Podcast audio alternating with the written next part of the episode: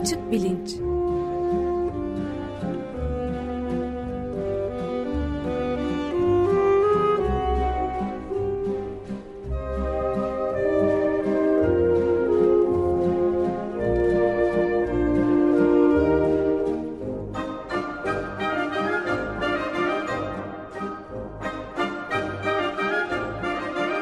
Güven Güzeldere ile bilim ve felsefe sohbetleri.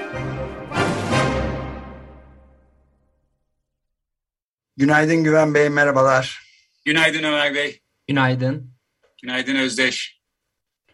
Evet, bugün bir konuğumuz da var ve bir dizinin serinin Stres serisinin üçüncü e, bölümünü yapacağız herhalde. Konuğumuzu Profesör Doktor Ejder Yıldırım siz tanıtır mısınız lütfen? Tabii. E, Ejder Bey hoş geldiniz öncelikle. Hoş Merhabalar, hoş geldiniz. Merhabalar Ömer Bey, merhabalar evet. Güven Bey tekrar. E, stres üzerine bir dizi yapmaya başlamıştık, bir mini dizi, üç bölümlük. E, işte ben girişini yaptım iki hafta önce. Geçen hafta e, Profesör Ertan Yurdakoş stresin fizyolojik e, taraflarını anlatmıştı. Bugün de işin psikolojik ve psikiyatrik taraflarına bakacağız. E, Profesör Ejder e, Yıldırım Cerrahpaşa Tıp Fakültesi mezunu. Yine Cerrahpaşa Tıp Fakültesinden fizyoloji doktorası var, fizyoloji doktoru. Fakat psikiyatri doçenti ve daha sonra profesörü oluyor. Halen de Bakırköy Ruh Sağlığı ve Sinir Hastalıkları Eğitim ve Araştırma Hastanesi'nin Psikoterapi Eğitim ve Tedavi Merkezi'nde nevroz birimi koordinatörü olarak çalışıyor. Ee, geçen hafta Ertan Hoca bize stres yaratan unsurların e, olduğu koşullarda e, işte insanların ve diğer canlıların bedenlerinin e, strese nasıl bir fizyolojik e, cevap verdiğini fizyoloji açısından anlattı. E, fakat tahmin ediyorum ki işte siz e, Bakırköy Ruh Sağlığı ve Sinir Hastalıkları Hastanesi'nde sizin gördüğünüz kişiler e, belki stresten yakınıyorlar ama e, strese e, verdikleri fizyolojik cevabın yanı sıra psikolojik olarak stresin onlarda nasıl bir durum yarattığını ve stresle belki nasıl baş edilmesi gerektiğini, stresin nasıl yönetilmesi gerektiğini filan da belki konuşuyor olsanız gerektir. Önce aslında kısa bir süre, soru olarak şunu sorayım. Stresten yakınan çok kişiyle karşılaşıyor musunuz? Stres çok sözü edilen bir şey midir psikiyatride?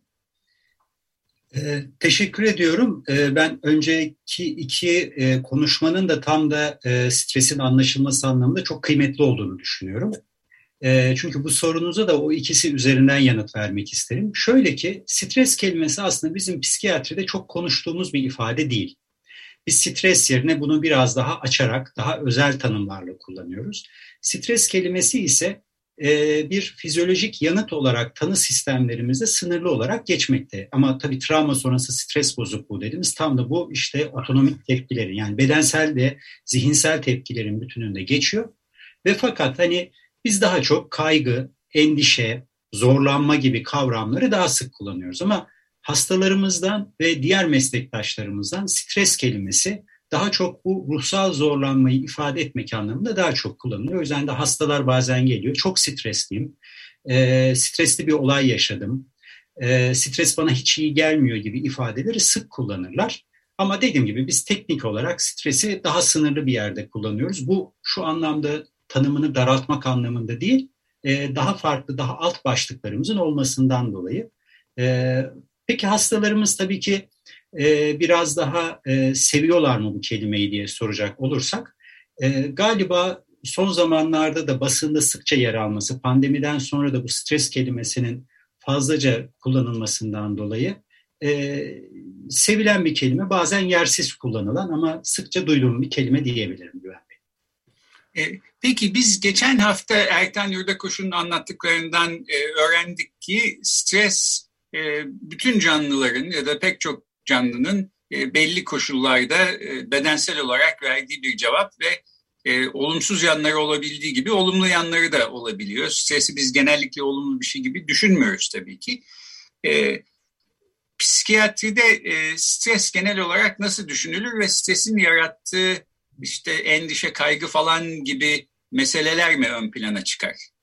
Şöyle söyleyeyim ben biraz da Açık Radyo'nun ve Açık Radyo dinleyicilerinin de bu konudaki kıymetli meraklarını da ona da güvenerek biraz konuşmak isteyeceğim. Şöyle ki belli bir döneme kadar aslında stres ya da strese ne ad verirsek buna ilişkin semptomlar yani belirtiler çok olumlu nitelenmiyordu psikiyatride. Ama bir paradigma değişikliği özellikle 2000'li yılların başında yani 2005-2010 gibi bir paradigma değişikliği psikiyatrinin geneline de yayıldı. Bu da şu, e, özellikle travma ile ilgilenen psikiyatristler yani travma terapistleri travmatik stres belirtilerinin bir kısmını bir hastalık belirtisi gibi stigmatize edilmesinden rahatsızlardı. Ben de tabii travma ile uğraştığım için o gruba yakındım. Çünkü bu belirtilerin bir kısmı tam da geçen hafta sizin konuştuğunuz ya da ondan önceki hafta doğrudan sizin ifade ettiğiniz. Bunların insan için, insanın özellikle bir zorlukla karşılaştığında onun zararına değil kısmen faydasına olan belirti kümelerinde içermesinden kaynaklanıyor. Yani doğrudan bunlar işte kötü bir şeydir, istenmeyen bir şeydir. Bunları direkt bir hastalık belirtisi olarak görelim, gerekirse ilaç verelim ya da bunları işte bir şekilde müdahale edilecek, zorunlu müdahale edilecek grupta değerlendirelim. Yerine bunların belli bir rasyonelle ortaya çıktığını, tamam belli aşamalarda insanı yoran özelliklerin, özellikle de sizin de belirttiğiniz gibi biz de tam da klinik olarak yönetememe kelimesini kullanırız. Yönetilemediği takdirde müdahale gerektiren bir durum olmakla birlikte önemli bir kısmının da insanın faydasına olabilecek bir takım özellikler içerdiği üzerinden bir yaklaşım e, psikiyatride özellikle e, bu dediğim gibi 2010'dan sonra daha da ağırlık kazandı. Yani artık doğrudan olumsuz bir nitelemeyle, bir semptom gözüyle bakmıyoruz. Bu tabii biyolojik psikiyatrinin e, özellikle e, çok fazla hastalık merkezli giden yaklaşımının kırılmasıyla da ilgili oldu. Biraz e, travma terapisinin politik yönlerinin güçlenmesiyle de ilişkili oldu. Biraz da nörobilimden gelen bilgilerin e, psikiyatride daha e, doğru kullanılmasıyla da ilişkili oldu diyebilirim. Peki ben bir de son şunu e, söyleyeyim sonra Ömer Bey sözü size bırakayım. E, şimdi yani pratik anlamda diyelim ben e, size danışmaya geldim bir doktor olarak. Diyorum ki işte iş yerimdeki amirim bana hep ters davranıyor ya da işte eşimle bir sorunum var evde ya da başımdan geçmiş travmatik bir olay nedeniyle bir takım stres e, bozuklukları yaşıyorum. Mesela işte gece uyuyamıyorum, e, iştahım kesildi, şu bu bir takım şikayetlerim var. E, sizin öneriniz eğer stresi yaratan koşulları değiştirmek mümkün değilse e, bu stresle nasıl baş edilmesi, bunun nasıl yönetilmesi e, hakkında olacaktır herhalde değil mi? Ne dersiniz bana? Şimdi şöyle söyleyeyim. E, yani bir kişinin tabii ki yaşam koşullarını değiştirme şansımız yoksa biz var olan strese yönelik baş etme becerilerini güçlendirme yoluna gitmek durumundayız. Ancak birazdan özellikle hani konu gelirse konuşmak istediğim kısım tam da bu fizyoloji bilgilerinin psikiyatride nasıl işlendiği ile ilgili kısım olacak.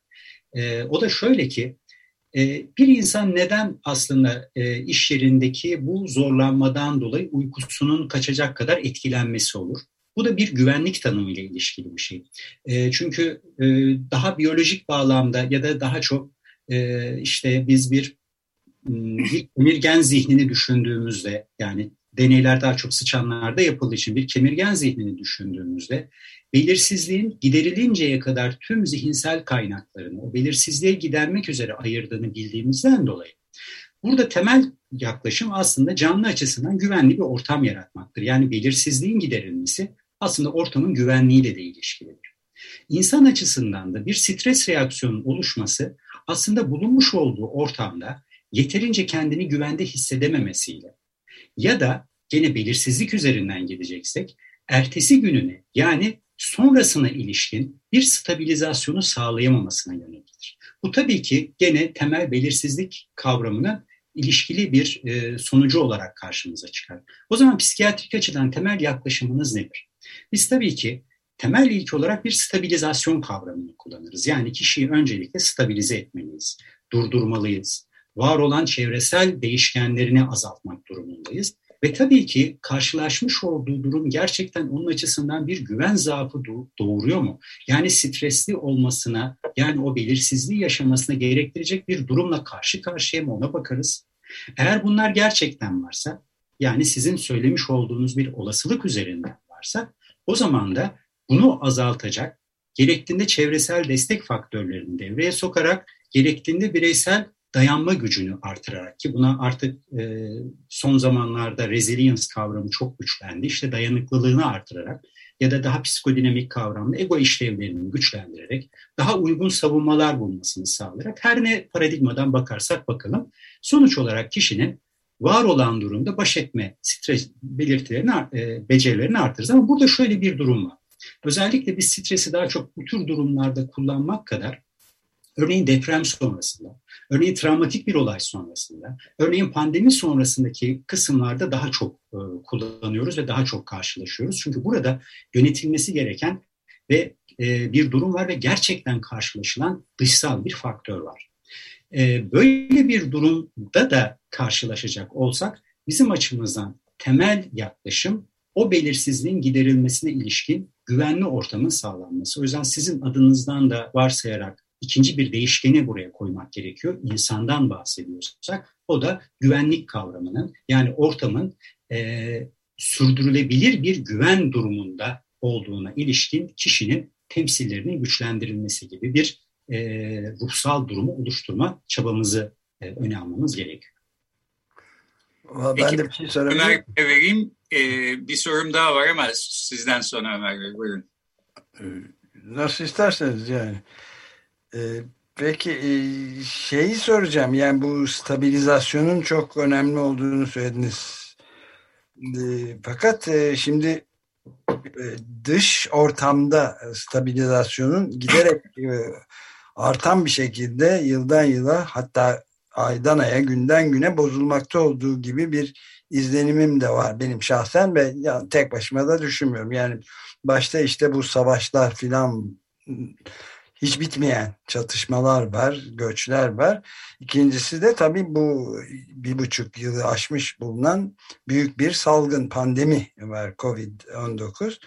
Bir de her zaman yani pek açık radyo dışında çok fazla konuşulmasa bile dünyada bilim insanlarının son derece e, kaygılı bir şekilde dile getirdikleri bu iklim krizi var ve bunun tam da sözünü ettiğiniz gıda e, güvenliği mesela güvenlik meselesini stabilize etmenin imkanı yok. Yani daha bugün biraz önce e, Özdeş'le de konuşuyorduk. Yani yarına mesela Türkiye'de ciddi bir e, kuraklık ve göllerin kuruması, gıda güvenliği sorunu çıkacağını ve işte damla sulamaya mı geçilecek filan diye çok ciddi aslında başta çiftçiler olmak üzere ama bütün insanları da yiyecek içecek açısından tehlikeye atacak bir durum var. Yani ben bunu şeyi sormak istiyorum. Artıyor mu bu stres dediğimiz olaylar? Olumsuz yönüyle alıyorum. Şöyle diyeyim aslında sizin son söylediğinizin gelecekte biraz daha artacağını varsayabiliriz. İşte eko anksiyete de diyoruz biz buna. Evet. Bu iklim e, iklim krizine bağlı kaygı ya da iklim endişesi ya da ekoanksiyete diye tanımladığımız durum. Şimdi şöyle e, ben tekrar aynı yerden alayım. Yani e, bu konflik testleri dediğimiz e, Güven Bey'in ilk konuşmasında da bahsettiği stresle ilgili. Yani bir sıçan e, bir elektrik şokuyla karşılaşıyor. Ama o elektrik şoku varken bile bunun ne zaman geleceğine ilişkin bir fikri olduğu andan itibaren fikri olmayana göre en azından daha az, az etkilendiğini biliyoruz. Ama insanda şöyle bir durum var Ömer Bey. Bizim bir zihinsel gücümüz var. Buna hani meşhur Moreno'nun e, surplus reality diye ya da artı gerçeklik dediği. Yani biz kurgusal bir şey planlayabiliyoruz ama şöyle bir sorunu da var Bu hem avantaj yani biz bir hayal kurabiliyoruz. Ama bu hayal dediğimiz şey ya da bir kurgu aynı zamanda bizim e, stres anlamında dezavantajlı noktaya da götürebilir. Yani insanlar henüz daha kötü bir olay gerçekleşmeden olayın gerçekleşebileceğine ilişkin kurmuş oldukları senaryo nedeniyle de bu reaksiyonu yaşayabiliyorlar. Örneğin belirsizlik bir sıçan için çoğunlukla reel bir durum ama bir insan için belirsizlik türetilebilen bir durum olarak da ortaya çıkabiliyor. Örneğin ben arabaya bindiğimde arabanın bir kaza yapma olasılığı var. Ya da en geniş anlamıyla söyleyelim biz en çok uçak korkusuyla karşılaşırız. Örneğin bir uçak korkusuyla gelen bir kişi için uçağın düşme oranını sorduğumuzda tamam ben de biliyorum der çok düşük yüzde bir belki der. Oysa milyonda birdir bu ihtimal. Ama onun zihninde yaratılan bu belirsizlik uçağa bindiği andan itibaren ya bu uçak düşerse şeklinde kendince tanımladığı yani kurgusal olarak ürettiği bir belirsizliktir. Şimdi böyle bir durumda şimdi sizin dedikleriniz ise tam da gerçek bir belirsizliğe doğru dünyamızın gidiyor oluşu ve bunların yaratacağı ruhsal durum. O yüzden hani insan zihninin öncelikle ortada kaygı verici bir durum olmasa bile sırf kendini daha güvenli hissettirmek adına muhtemelen evrimsel bir kalıntımız nedeniyle stabilize etmek için aslında dış dünyayı bazen olasılıklar üzerinden kurgular yapabildiğini ve bu kurguların kendisinin yaşanmasa bile en az yaşanmış kadar etkili olabileceğini biliyoruz ki bunlara ilişkin bir sürü klinik örnekte verebilir arzu edersiniz. Ama sizin dediğinize gelecek olursak bir de dış dünyamızda gerçekten bir kriz var. Yani hem bir iklim krizi yaşıyoruz, hem bir pandemi var, hem aynı zamanda sınırlar, insanlık, e, örneğin mültecilere karşı hiç de e, arzu etmediğimiz kadar dışlayıcı ve damgalayıcı davranabiliyor ki bu şu anlama geliyor. Her an benim dünyamda böyle olabilir anlamına geliyor. Ben daha da ötesini size söyleyeyim. Yani tam bir stres, o belirsizliği yaratan bir şey. Türkiye'deki son yangınları düşünelim. Siz daha önce bir ev alıyorsunuz. Ev alırken sizin için en önemli değişken nedir? Çamların arasında çok güzel bir ev diyorsunuz. Hatta sırf bu yüzden oraya almışsınız ve sizin için kaçıp gittiğiniz, kendinizi huzur içinde hissettiğiniz o yer aynı zamanda her an yanabilir. Tam tersi bütünüyle yok olabilir bir yer yeri haline geliyor. Ki iklim kriziyle de ilişkili olacak bu. Ya da sizin çok ulaşılabilir dediğiniz bir yiyecek belki bir daha olmayacak.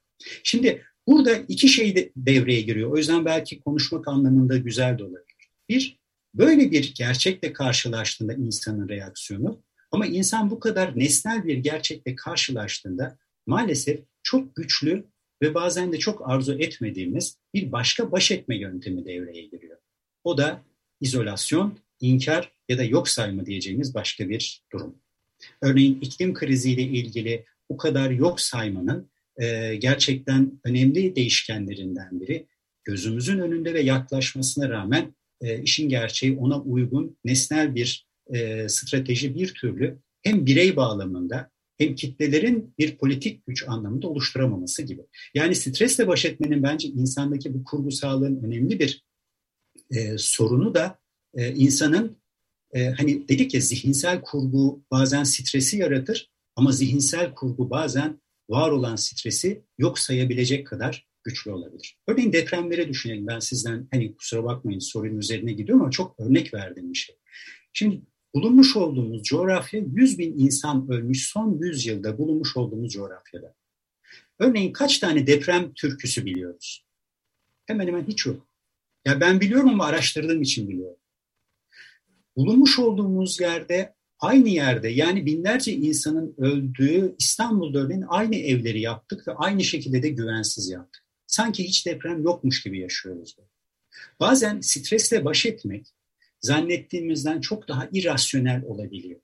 Ve bu da başka bir kurguyla, onun, onun hiç olmadığını düşleyebilecek başka bir zihin yaratabilme kapasitesiyle ilgili olabiliyor ki sizin sormuş olduğunuz bu dış dünyanın bu kadar tehlikelileşmesi aynı zamanda insanın hayatta kalmasını da sağlayan yok sayabilme kapasitesinin de artmasıyla sonuçlanabiliyor. Ki bazı insanlar açısından da tam tersi bu kaygının çok daha uzun, e, çok daha sert yaşanması gibi ki bunda isterseniz grup bağlamında birazdan ele alalım. E, peki ben de deprem e, konusu üzerinden o zaman başka bir soruya geçeyim. Şimdi belirsizliğin yarattığı stresten bahsettiniz. Deprem sanki hiç olmayacakmış gibi düşünerek bu belirsizlikle bir anlamda belki baş ediyoruz. Ama tabii belli zamanlarda mesela depremin yeni olduğu günlerde başka tür bir ruh hali içinde oluyoruz. Ben 1999 depremini hatırlıyorum. Ardından işte artçı sarsıntılar geliyordu. e, gece evde mi kalsak yoksa çıkıp arabada mı beklesek e, deprem mi olacak bilmiyoruz. Yani belirsizlik gerçekten var ve fiziki koşullar bunu dayatıyor. Bunu değiştirmemize de imkan yok. Öte yandan aynı fiziki koşullara maruz kalan iki insandan bir tanesi mesela çok kaygılı olurken öbürü o kadar kaygılı olmayabiliyor ya da herhalde yönetmeyi becerebiliyor. Dolayısıyla stresin hem fiziki nesnel koşullarla hem de öznel insanın buna verdiği cevapla veya yönetebilme yetisiyle herhalde e, ilgisi olsa gerek. Ben buradan konuyu sizin az önce bahsettiğiniz bu fizyolojiyle psikoloji ve psikiyatrinin arasında bir bağ kurulması meselesine bağlamak istiyorum. Çünkü e, herhalde fizyolojiden gelen bilgiler, siz de fizyoloji bilim doktorasına sahipsiniz ama e, psikiyatriyle uğraşıyorsunuz. E, bunlar birbirine ışık tutan alanlar oldu mu ve stres yönetimi konusunda e, son zamanlarda e, yeni öğrendiğimiz şeyler var mı? E, çok teşekkür ediyorum. Aslında benim açımdan da çok keyif veren şeylerden biri. E, 99'da ben doktoraya başladığımda o zaman psikiyatrideydim, bitirmek üzereydim psikiyatriyi. E, çok kıymetliydi fizyolojide öğrendiklerim. Sadece o sırada benim klinik şefim e, Ali Babaoğlu e, Lorenzci bir psikiyatristi. O bize anlatırdı ama çok uzaktı. Şöyle bir örnekle başlayayım. Örneğin panik bozukluğun tedavisinde günümüzde fizyolojiden gelen bilgilerimizi psikoterapide sıkça kullanıyoruz güvenli. Çünkü panik bozukluk aslında tam da sizin ilk sorunuzdan doğru gelmek gerekirse, yani panik bozukluk sırasında yaşanan bir panik yatağın bir rasyoneli var. Bu rasyonel işte kan basıncının artması aslında kanın işte e, karın bağırsaktan, e, mideden bütün bacaklara, kollara ve başlara gitmesi, hızlı nefes alıp verme, kalbin çok güçlü ve çok hızlı atması aslında insanın hayatında yapacağı çok kısa ama çok hızlı bir koşu için yani bir tehlikeden kaçması için maksimum seviyede bedenin hazırlığı. Şimdi siz bu bilgiyi panik yatağı yaşayan bir hastaya çok güzel anlattığınızda bunun aslında o hayatınızın en hızlı koşusunu ama daha koşu başlamadan en hızlı şekilde yapmak üzere ortaya çıkan bir refleks olarak anlattığınızda kişi için kalp krizi mi geçiriyorum yoksa ölmek üzere mi oluyorum denen panik yatağı bir anda son derece mantıklı olması gereken bir semptom yani belirti kaskadı halinde algılanabiliyor. Ve bunu iyi anlatırsanız, örneğin grup terapisinde biz bunu iyi anlattığımızda ikinci ya da üçüncü oturumdan sonra gruptaki 15 kişinin neredeyse tamamında panik yatakları kesilmeye başlıyor. Bu bizim fizyoloji bilgisini tam da e, hastalara anlatırken tanımlayabilme durumumuzla ilgili. Başka bir örnek vereyim. Örneğin belirsizlik kavramı. Özellikle o konflik testlerini yani sizin ilk anlattığınız kavramı aslında terapistler travma terapisi sırasında da görüyorlar. Bakın iki örnekle anlatayım burayı da. Ee, bu aynı zamanda bizim kişilerin yaşamlarındaki o stabilizasyon dediğimiz durumu sağlamakta da önemli. Travma terapisinin en önemli ilkesi yani terapi yapanlar için en önemli ilkesi kontrolü hastaya vermektir. Çünkü terapinin kendisi asimetrik bir ilişki. Terapistin belirlediği ve hastanın da genellikle bu kurallar çerçevesinde daha çok terapistin yönettiği bir şey yaşaması. Ama travmada güçlü olanın yönettiği bir şey değil mi? Ne kadar benziyor. İyi bir travma terapisti tam da bunu bildiği için yani çok fazla yönetmeye kalktığında karşıdaki travma yaşamış ama halen hastası olarak terapi yaptığı kişi için belirsizliği artırdığını bilir ve kritik yerlerde ona isterseniz kelimesini kullanır. İstediğiniz yerde durabiliriz.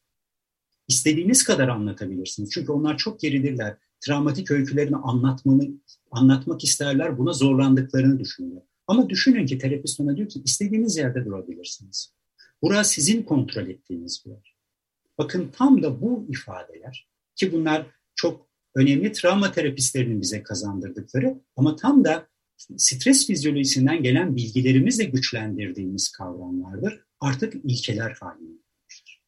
Başka bir hastadan örnek vereyim. Şimdi bunu dediğinizde aklıma geldi. Ee, benim e, bir hastam, bir daha doğrusu asistanımın şöyle bir hastası vardı. Ee, cinsel travmaya yaşamış vakti zamanında ciddi anlamda travmatik belirtileri var. Ama dedi ki cinsellikle ilgili hiçbir sorun yaşamıyor. Neden? Haftada bir kez cinsellik yaşıyorlar ve tüm cinsellikleri kendisi başlatıyormuş. Tüm cinselliklerini Tüm cinsellik. Neden? Çünkü eşi diyormuş ki haftada bir kere cinsellik yaşamalıyız. Ve hepsini hastamız başlattığı için doğal olarak travmatik belirtisi yok diye tanımlanıyor. Oysa bu hastanın ciddi anlamda bir travma belirtisi var ve şunu yapmaya çalışıyor. Eğer haftada bir kez olacaksa en azından benim belirlediğim anda olsun. Şimdi biz bu bilgileri yani belirsizliği gidermeye yönelik çabaların ve kaygıları bildiğimiz için terapide tam da bunları kullanarak e, biz kişinin stabilize olmasını sağlıyoruz. Ona yönetebileceği bir alan veriyoruz. Ona güvenli olabileceği bir çevresel ortam sunmaya çalışıyoruz. Yine çok kritik bilgiyi de hemen söyleyeyim. Travmadan iyileştiren ve daha doğrusu travmadan koruyan en önemli değişkenin sosyal destek sistemleri sağlanmış bir güvenlik olduğunu biliyoruz. O nedenle aslında fizyoloji bilgileriyle terapi bilgilerinin uyuşması günümüzde psikiyatrik e, sonuçları çok çok daha ileri götürdü. Özellikle stresle ilişkili durumlar. Evet peki çok teşekkürler. Böylece kapayalım isterseniz. Ömer Bey Özde sizin bir sorunuz var mı? Benim yok valla. Benim de yok. Evet. Pekala. E, bugün stres serimizin üçüncü ve son bölümünü yaptık. E, psikiyatr Profesör Ejder Yıldırım konuğumuzdu. E, böylece stres konusunu e, hem fizyolojik hem psikolojik yönleriyle ele almaya çalıştık. E, bu serinin ardından e, başka bir soruya geçeceğiz gelecek haftadan itibaren. E, o da sanat felsefesi olacak. Bu da sanat mı sorusuna nasıl cevap verilebilir? Sanatın ya da sanat olarak kabul edilebilen şeylerin sınırları nerede başlar, nerede biter? Böyle sınırlardan söz edilebilir mi konusunu çeşitli yönlerinden ele almaya çalışacağız. Ee, Ejder Bey çok teşekkür ediyoruz bugün bize verdiğiniz bilgiler için. Ben teşekkür ederim. Çok, çok teşekkürler. Sağ olun. Çok Ömer sağ olun Görüşmek üzere. İyi haftalar. Görüşmek üzere.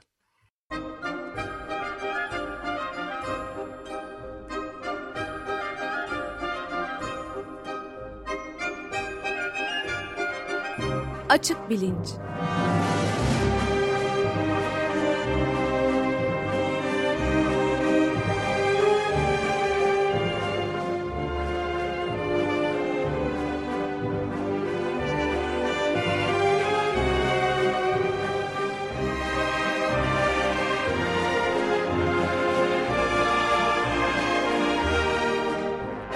Güven Güzeldere ile bilim ve felsefe sohbetleri.